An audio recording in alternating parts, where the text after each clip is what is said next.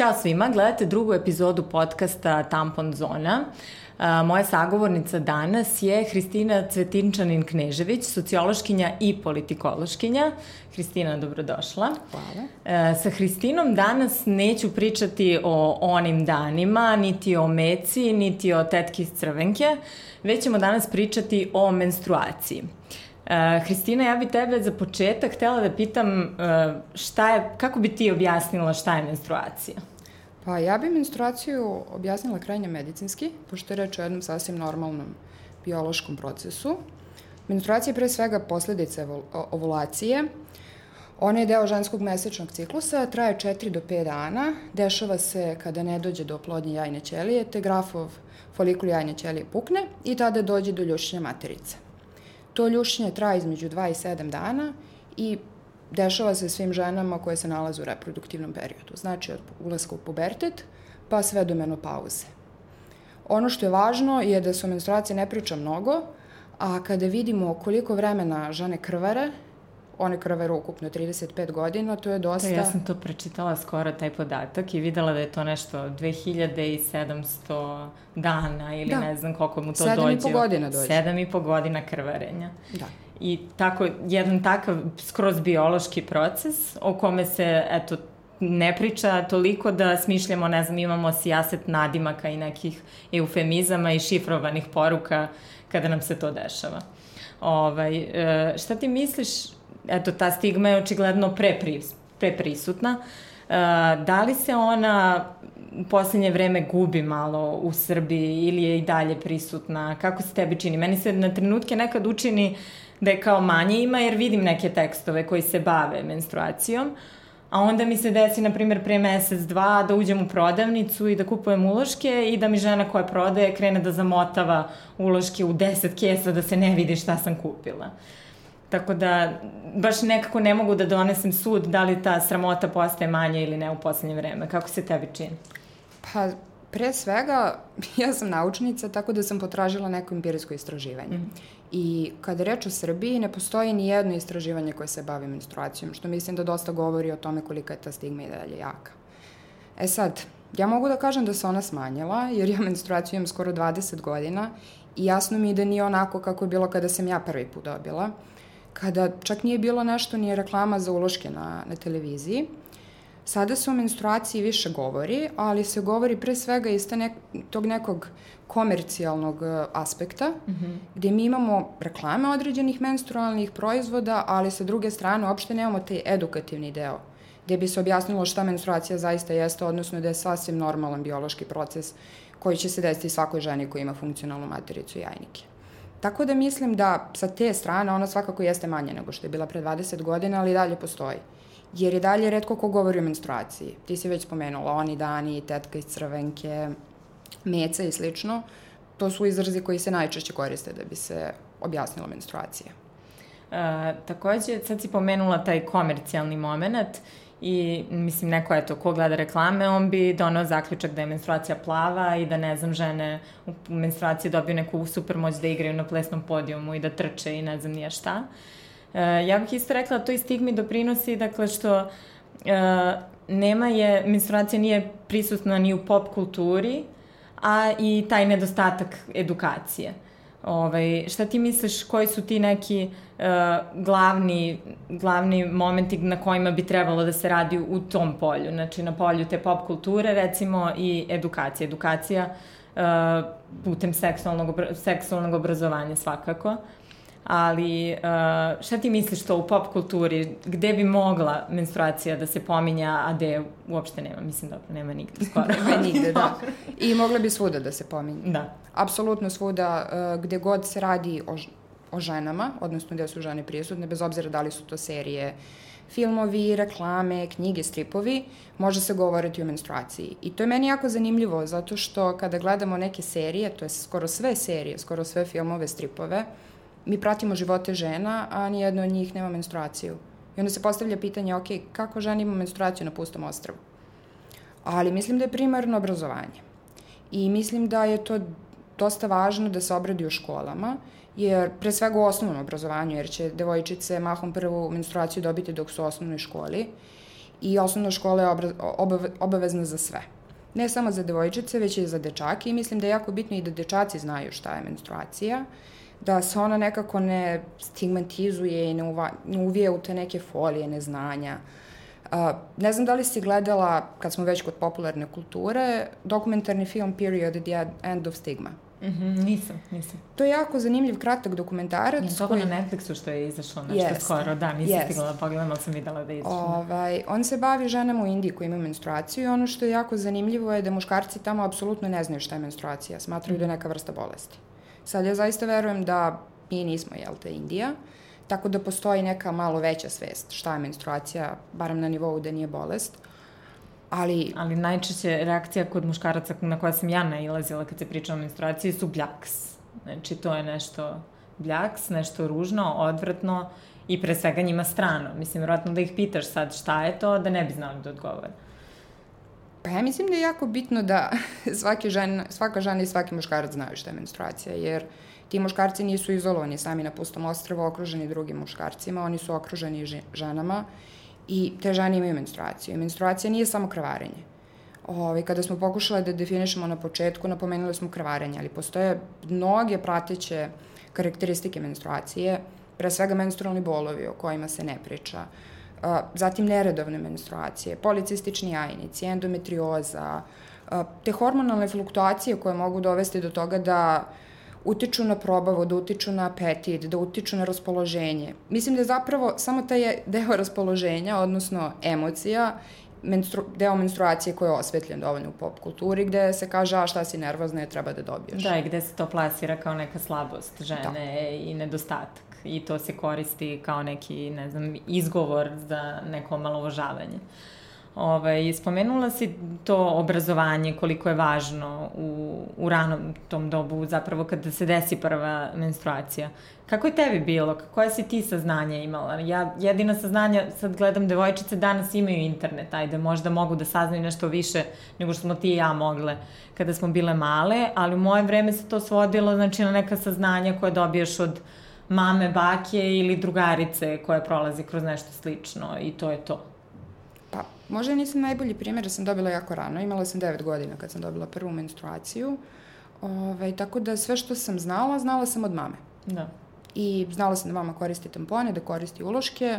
Kada sam prvi put prokrvarila, ona mi je objasnila šta se tu dešava, da će se to dešavati svakog meseca, ali prvi godinu dana, šest meseci do godinu dana neće biti toliko redovno, da je moguće da me boli stomak, da možda budem umornija i možda ne budem bila, da kažem, toliko fizički sposobna kao, kao što jesam kada nemam menstruaciju. Tako da sam ja tu bila, imala sam neko znanje i nisam se iznenadila, ali neke moje drugarice se jesu iznenadile. Nisu znale šta im se dešava, misle su da umiru zato što odjednom krvare. Onda sam, čak mi jedna prijateljica rekla, baš kad smo razgovarali o menstruaciji, da je bila iznenađena kako, je krv, kako ide krv koja je crvena, a ne plava tečno sa reklame za uloške. Da, to i mene bilo isto iznenadilo, znam da sam bila u fazonu, očekivala sam ono kao mastilo od penkala, da. ne, ali ne. ali, pazi, postoji, menstruacija se zapravo obrađuje, ajde da kažemo, u školskom kurikulumu, kada mm -hmm. je mhm. reč o biologiji. Ali način na koji ona se spominje, mm -hmm. jel te, kao stadijum razvoja ljudskog bića, jel te ali način na koji se ona obrađuje, to je toliko abstraktno i gotovo je nemoguće devojčicama da, da to povežu sa, sa sobom. I ja čak mislim da se to, da se, da se ta nastavna jedinica javlja u srednjoj školi, ne u mm -hmm. osnovnoj školi. Uh, ja se nisam nešto previše raspitivala kako to izgleda danas, ali se sećam, na primjer, da u mojoj srednjoj školi, uh, reč je o Beogradu, reč je o centralnoj gradskoj opštini, tako da očekujemo da da će tu biti najveće šanse da se nešto sazna, jel te, da, da. da su drugi gradovi u Srbiji manje mesta poprilično a, slabih resursa. Mm. Jedina edukacija koju smo mi imali, to je bilo kada su proizvođači tampona i uložaka došli da nam održe, jel te, neki promo čas. Da. To je zapravo bila reklama. I mi tu ništa nismo naučili i to je bilo namenjeno samo devojčicama, ne i dečacima. Tako da mi jesmo dobile dva uloška i ne, ne, neko malo pakovanje, kockicu sa tamponama, ali nismo dobili informacije koje su nam trebale, da. da.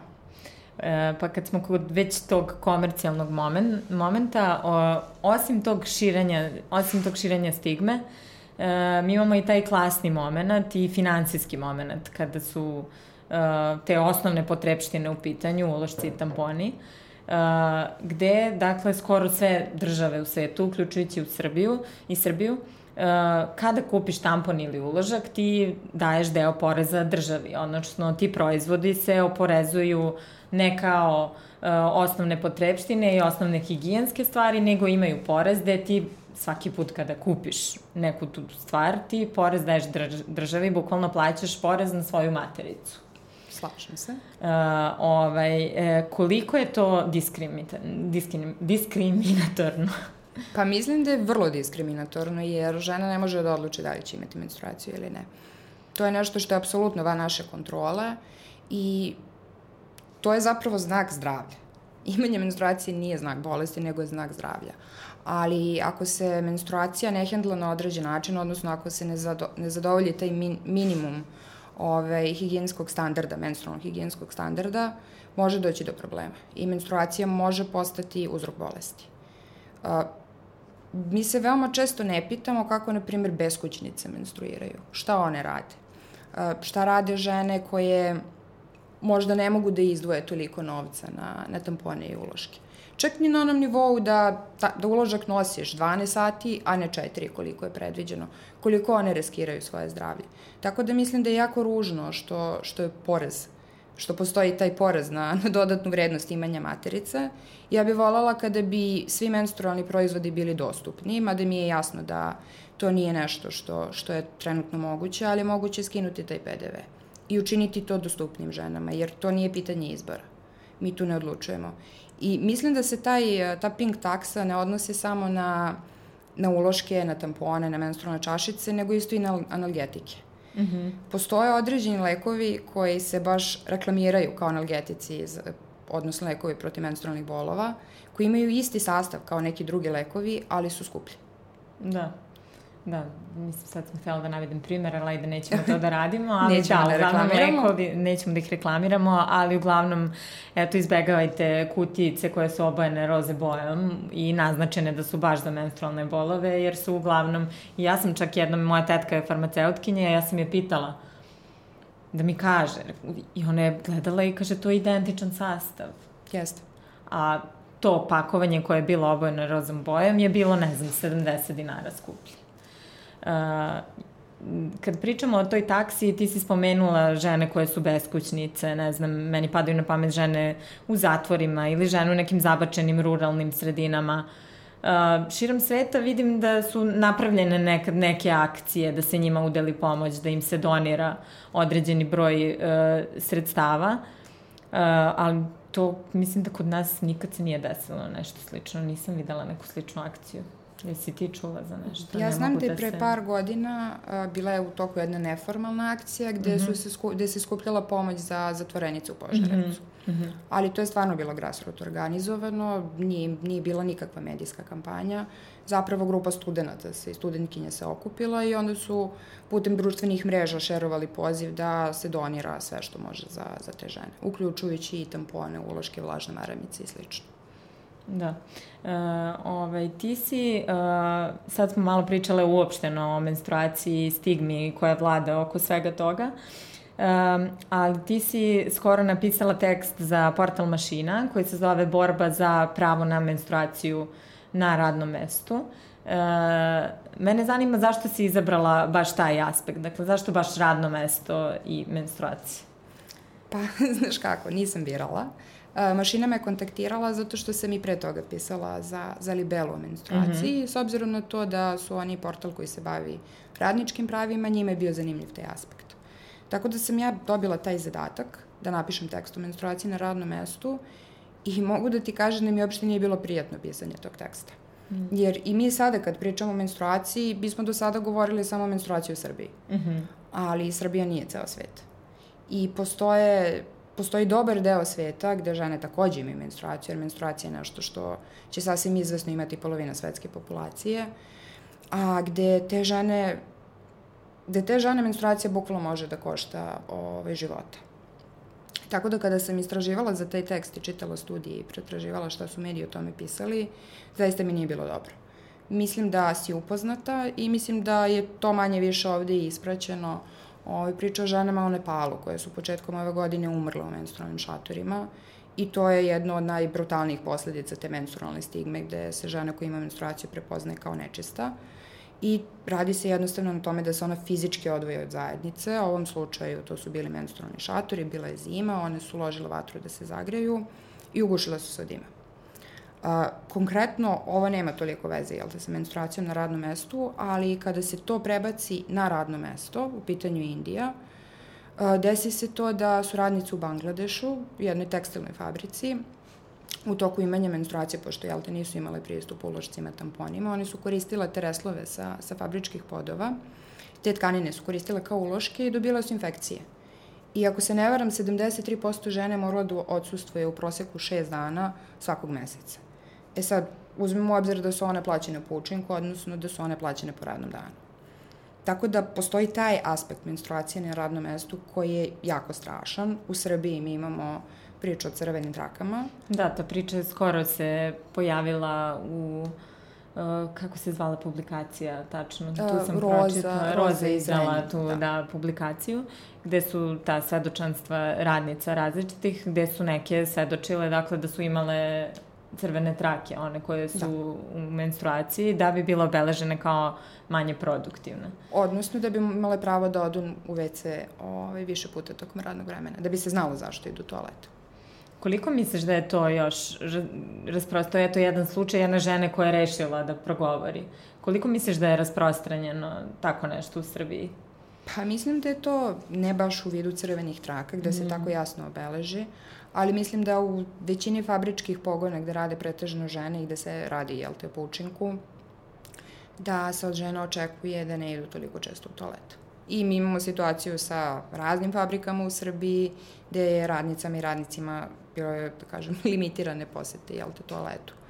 Ali mi imamo jedan drugi problem, imamo čitav niz radnih mesta, na primjer trafike, kiosci brze hrane, tezge sa sladoledima, tezge na pijace i slično, gde je ženama koje tu rade apsolutno nemoguće da zadovolje taj, to se zove management menstrualne higijene, koje obuhvata da ćeš ti imati pristup tekućoj čistoj vodi, sanitarnom čvoru, fizičkom prostoru gde možeš da zameniš uložak, higijenski, i gde možeš da ga odložiš. I to nije zadovoljeno na svim ovim radnim mestima. E, šta misliš, da li su te žene svesne da ja sve mislim da one nisu svesne da to radno mesto njima to treba da pruži. Nego da je to nešto njima, nešto intimno, što, eto, kao one, one su same, kao, treba da se brinu o tome. Da li misliš da je kod njih, da li postoji ta svest da je menstruacija jednostavno, ja bih rekla, osnovno ljudsko pravo? Pa ja mislim da smo mi tu menstrualnu stigmu dosta internalizovale mm. i da je nama samima ponekad neprijatno da, da. da govorimo o menstruaciji. A mislim da većina žena u Srbiji koja ima sreću jel te, da se zaposli, pošto ne možemo reći da baš imamo velike da, šanse na žene ni muškarci jel te, da, da se zaposlimo. Mislim da one jednostavno uh, ne razmišljaju o tome, već da su srećne što imaju posao.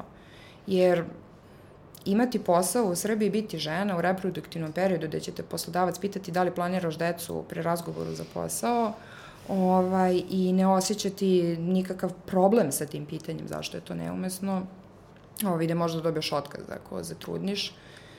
Mislim da je ideja minimuma menstrualne higijene, odnosno tog menadžmenta menstrualne higijene, dosta daleko od toga. Ali mislim da je važno da, da o tome govorimo.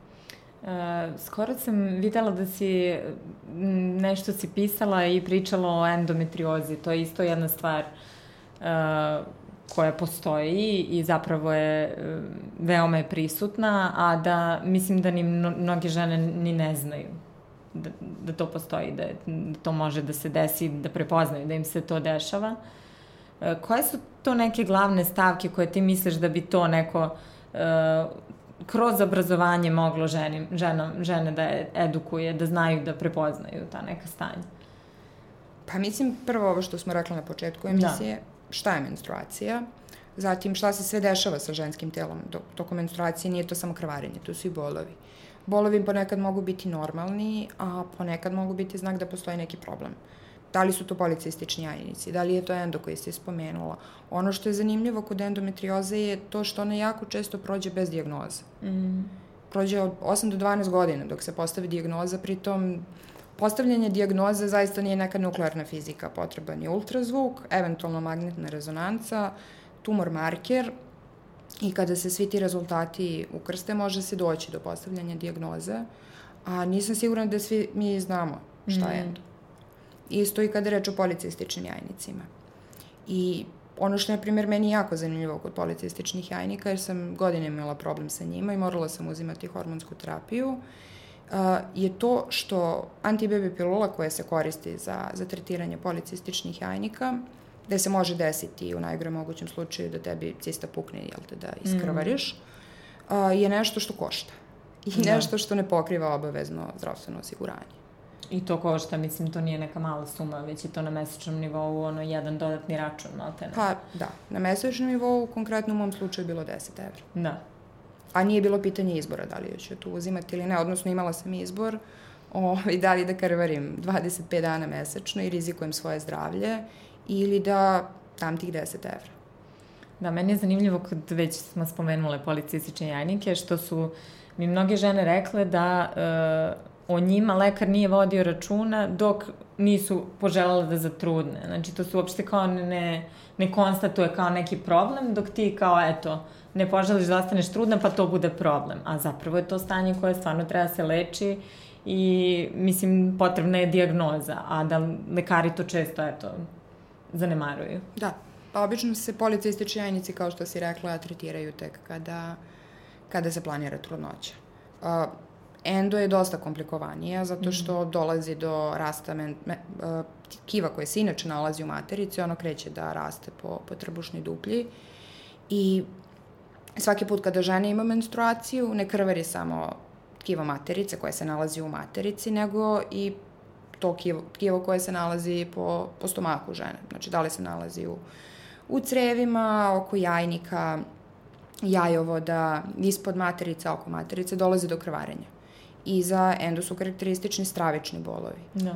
Ono što je zanimljivo je da je bol prilikom menstruacije kada su merili ovi naučnici koji je intenzitet tog bola, došli do zaključka, govorimo je li to o normalnoj menstruaciji, mm. ne o policističnim jajnika, jajnicima mm -hmm. ili endu, je jednak intenzitetu bola koji se javlja prilikom srčanog udara.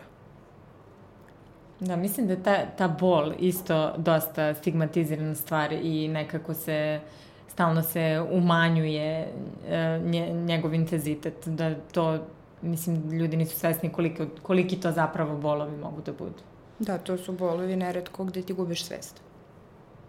Tako da. da nije nešto, nije nešto stisni zube, uh, progutaj da, kao ajde izdrži dalje, da. i idemo dalje, možeš normalno da funkcionišeš jer vrlo, mislim ima žena, stvarno je drugačije, individualna je stvar, drugačije se manifestuje, ali uh, ja sam, na primjer, skroz neupotrebljiva. Znači, ja sam ono kao leš i to su takvi bolovi da evo i dan danas nisam pronašla baš lek protiv bolova koji može skroz da mi pomogne. E, kada pričamo o tom, toj stigmi koja nastaje kad je sam bol i kad su sve te nus pojave u pitanju, e, da se vratimo na temu menstruacija na radnom mestu. E, koliko misliš da je problem i koliko je to prisutno kod žena da osim tih tehničkih stvari, dakle što su im e, fizički nedostupni ulošci, tamponi i sve što bi im olakšalo taj proces, e, sama atmosfera na poslu gde one ne mogu ili ih je sramota da kažu kroz šta prolaze. Pa u okviru tog menadžmenta menstrualne higijene koje smo spomenule, jedna od stavki, jel je i odsustvo stigme, odnosno prihvatanje žena koje imaju menstruaciju na radnom mestu kao, kao jednako vrednih. U smislu da se one mogu osjećati sigurno da na radnom mestu o svojoj menstruaciji razgovaraju u slučaju da je ta menstruacija bolna, neprijatna ili na bilo koji drugi način ih ometa da, da rade kao i do sada. Šta je još taj, me, kako se zove tačno taj termin? Me, to su management menstrualne higijene. Management menstrualne. Šta si još tu, šta, šta se sve podrazumeva? Šta pa. je jedno mesto radno da bi bilo kao, da bi žena mogla normalno da prolazi i da ima menstruaciju? Šta sve to jedno radno mesto bi trebalo da ima? Uh, on se ne odnosi samo na jel, radne mesta, mm -hmm. odnosi se i na škole, na mm -hmm. fakultete, na bolnice i slično, ali pored te psihološke komponente, odnosno činjenice da će se žena osjećati sigurno i da kažem dostojanstveno, odnosno da neće biti isključena iz s radnog mesta samo zato što ima menstruaciju, da neće biti stigmati, stigmatizovana zbog toga, što nama možda iz ove percepcije izgleda suludo, ali nije suludo. I dalje postoje neka društva gde se smatra da ako žena ima menstruaciju ne sme da pipa hranu. Da, ili da uđe u kuhinju. Ili, ili da uđe u kuhinju, jel? Da. Ove, znači, pored te psihološke komponente, da će on imati, da kažem, podršku radne okoline, tu smo već spomenuli da postoji sanitarni čvor, da postoji tekuća čista voda, da postoji prostor da ona može da menja uloške, tampone, čašicu, šta već koristi i da ih odlažu u skladu sa, sa nekim minimumom, jel te, higijene. Ja isto mislim da je, da je okej da neki poslodavci omoguće ženama, dakle da imaju dostupne i tampone i uloške i baš sam pre neki dan to na Instagramu spravila tu malu anketu gde mi je uh, gde sam pitala žene da li na svom poslu možda imaju obezbeđene uh, ove, ove predmete, gde mi je 150 žena odgovorilo sa ne, a ne znam, njih četiri sa da. Tako da to očigledno ovde još uvek nije neka praksa koja je zaživela. Ali da, malo pre sam ti rekla da sam u jednom restoranu nedavno videla i da me to baš onako pozitivno iznenadilo, ali to je baš neka mala stvar koju kao poslodavac može da učini svojim zaposlenima. Pa ne samo poslodavac, ja ne znam zašto u školama. Ili škole, da. na fakultetima. Da, da. Ovi, pogotovo u školama gde govorimo o mlađim ženama koje možda još nisu dobile menstruaciju, a dobit će prvi put u školi ili ženama, devojkama, odnosno devojčicama kojima se ciklus nije dovoljno ustalio da mogu da znaju kada će sledeći put dobiti. Mislim da je to jako važno, a to ne mora da bude nužno nešto što će mnogo koštati. Da. E, određene zemlje su, osim eto, pričala sam, malo pre si mi rekla e, podatak da je Apple uveo svojim zaposlenima 1981. Da. Prve još da imaju, dakle, obezbeđeno uh, uloške i tampone. Uh, neke, mislim da sam to pročitala isto u tvom tekstu, da je Nike uh, obezbedio to plaćeno menstrualno odsustvo. Jeste, pre da. više od 10 godina. Da, i tu se dakle podrazumeva da uh, žena koja radi može da ode, ne znam, na, na koliko dana plaćenog odsustva, dan ili dva, čini mi se, ili tako, tako da. nešto. Da. I da njoj to, dakle, bude, da se ne broji kao da se ne oduzima od plate, nego da joj bude plaćeno. Da ne mora da uzima bolovanje. Da ne da, da. Ovaj, e, međutim, čitala sam dosta komentara koji misle da ovaj način nije baš najzahvalniji. E, šta ti misliš? Koje su prednosti, a koje mane ovakvog jednog e, načina? Pa, prvo moramo da vidimo odakle ti komentari dolaze. Mm -hmm. Jer, na primjer, Južna Koreja je jedna od zemalja koja je uvela, koja je zakonom regulisala menstrualno odsustvo i onda su se muškarci pobunili jer smatraju da su na taj način diskriminisani. Jo, bože. okay. Mislim, nemoj, nemoj da se da. smeješ, da nije smešno. Neki od komentara na taj tekst sa mašine koji sam napisala mm. menstruaciji na ravnom mestu su upravo bili takvi. Ovaj, da, muškarci žive kraće. Šta, šta je sa nama? Ovi, gde se upravo vidi taj nedostatak obrazovanja. Da. I to je taj moment gde kada se u, u školama govori o menstruaciji, tu mu treba budu prisutni dečaci da vide da to nije ovaj, kao na reklami. Jer mislim da većina muškaraca misli da zaista menstruacija izgleda kao na reklami, a uopšte ne izgleda da. tako. Potpuno je suprotno. Znači misliš da bi ovako jedan način, dakle, da bi žena dobila, bio skroz validan i okej? Okay? Ja mislim da bi najbolje bilo da žena može da bira. Da, da. Da tačno. u slučaju da je menstru... Ja bi izabrala to. Moram da priznam da bi mi značilo. Pazi, neke, neke žene nemaju toliko izražene simptome da. menstruacije, neke imaju konstantnu mučninu, dijareju, povraćanje, padanje Ali bi bilo okej okay da to postoji kao opcija. Da, bilo bi da. dobro da postoji kao opcija, ne samo to plaćeno menstrualno odsustvo, nego da postoji mogućnost fleksibilnih radnih sati, rada od kuće. Ove, I mislim da, da to ni na jedan način ne diskriminiše muškarce.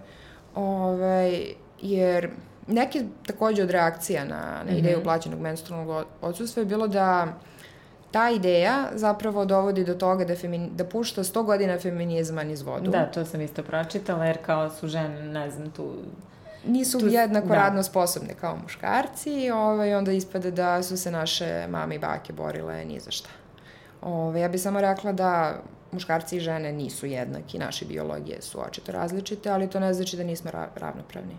I da ne možemo podjednako da, da doprine, doprinosimo svojim radom. Nije svaki posao fizički i neki poslovi zaista bez problema mogu da se outsourcuju i da se rade u okviru fleksibilnih radnih sati ili od kuće, a i dan, dva mesečno za menstruaciju nije nešto što će zaista drastično uticati na, na pad produktivnosti nekog radnog kolektiva.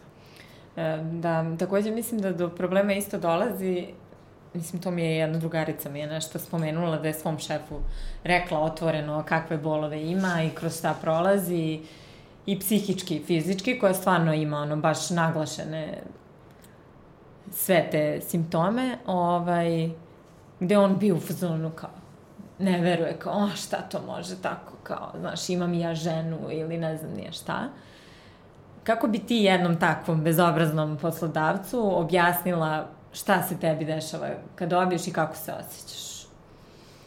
Pa razmišljala sam o tome i shvatila sam da ako je poslodavac zaista bezobrazan, ovi, teško bi ja njemu išta objasnila, odnosno ne bi me čuo. Ali mislim da je jako važno da se vratimo na to da menstruacija je zapravo proces u kome se tvoj unutrašnji organ ljušti na nivou krvarenja. Ti imaš unutrašnje krvarenje 5 do 7 dana ili 3 do 7 dana, zavisi koliko ti menstruacija traje. I mislim da je to dovoljno strašno samo po sebi. Mislim da se zaboravlja šta menstruacija zapravo jeste. Znači, nije to neka krv koja dođe ni od kuda i samo curi, već je krv koja nastaje kao posledica ljušćenja materice. Ovaj, I naravno rekla bi mu ovaj, za taj podatak koliko je taj bol intenzivan, da može biti intenziteta kao i srčani udar. Da, ovaj, e, sad kad pričamo, ovaj, nekako šta god, spomenuli smo i policistične jajnike i endometriozu i mislim to su sve stvari koje su vezane za žensko zdravlje i koje su suštinski važne svakoj ženi, koje su zapravo vezane za njeno telo. Ovaj, nešto sam skoro sam čitala i moram da kažem da mi je mnogo drago što sad uživo pričam s tobom, jer inače samo screenshotam tvoje storije o menstruaciji i o svemu što pišeš. Ovaj, pa sam tako videla da si pisala si i o ženskom orgazmu takođe.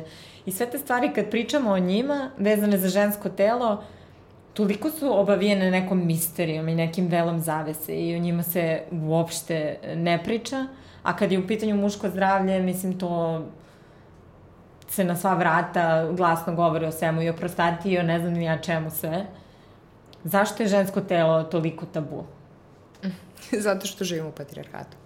Mislim, ne znam, ne znam kako drugačije da, da to kažem, ali mislim da je tabu zato što, konkretno kada govorimo o menstruaciji, menstruacija nije od uvek bila tabu. U starom veku, u starom, starom Rimu, u staroj Grčkoj, Egiptu, žene su imale menstruaciju bez problema. Jednostavno nisu bile izdvajane, to je bila najnormalnija stvar. Ove, čak se smatralo da žene koje imaju menstruaciju imaju, da su svete, da su na nivou boginje i da imaju neke posebne moći i one su se slavile. Ali upravo sa dolaskom jel te, monoteističkih religija, kada dolazi do tog shifta, ajde kažemo, odnosu između polova, dolazi do stigmatizacije menstruacije. I generalno ženskog zdravlja, ženske seksualnosti, e, čak i možemo te dve stvari da ukombinujemo. Mm. Žensku seksualnost, imanje menstruacije. Ovaj, neke, nekim ženama možda orgazam može pomoći da ublaži menstrualni bol. Da, da, da, da, da, o tome se, mislim, seks tokom menstruacije, Menstruacije. to će mi biti poseban podcast, ali, mislim, o tome se isto tek ne priča. I jako važna stvar o kojoj se ne priča kad smo već kod seksa tokom menstruacije, žena može zatrudneti tokom menstruacije. Da. Nema, da, mnogi menstruaciju ono kapiraju kao kontraceptivno sredstvo. Ono, ne, nije, on... pogotovo što postoji nešto što se zove ovulatorno krvarenje koje se veoma često ovaj, meša sa sa menstruacijom, a tada je zapravo najveća šansa da, da, da do trudnoće i dođe. Da, ovaj, sad na kraju volio bih da te pitam, o, onako posle svega što smo pričale, e, zašto, zašto menstruacija, dakle, nije ženska stvar, kako se in, uglavnom plasira i zašto je menstruacija, mislim, ja bih rekla i da je menstruacija jedno veoma političko pitanje i osnovno ljudsko pravo. Pa, ja pre svega mislim da ne postoje ženske i muške stvari, mislim da postoje ljudske stvari i mislim da je menstruacija nešto što je ljudska stvar. Jer na kraju krajeva nikog od nas ne bi bilo ni muškaraca ni žena da naše majke nisu imala menstruaciju. Uh, to je prva stvar. Druga stvar, menstruacija je jedan fenomen gde mi možemo videti i tu neku polnu hijerarhiju, odnosno prelama se i osa pola i klasa. spomenula smo te siromašne žene i šta zapravo znači imati menstruaciju, a nemo, ne biti u stanju sebi da priuštiš tampone ili uloške. Za neke devojčice, na primjer u Indiji, to znači da se neće školovati. Tako da, iz neke moje perspektive, istorija borbe za, za bezbednu menstruaciju je zapravo istorija borbe za, za žensko oslobođenje. I zbog toga je menstruacija političko pitanje i nije samo žensko, nego i žensko i muško, jer je to nešto što utiče na sve nas. A s druge strane, skoro sam videla na, na Tumblru jako zanimljivu ove, ilustraciju, memu na koje, u kojoj je bilo rečeno da je zapravo menstrualna krv jedina krv mm -hmm. koja ne dolazi od nasilja, ali koja izaziva najviše zgražavanja. Zgrađenja, da. Da. Ništa, Hristina, hvala ti puno na ovom razgovoru, ovaj, a ja to mogu da obećam da ću se truditi bar jednom mesečno da se bavim temama uh, ili vezanim za menstruaciju ili za žensko zdravlje. Tako da vidimo se sledeće nedelje.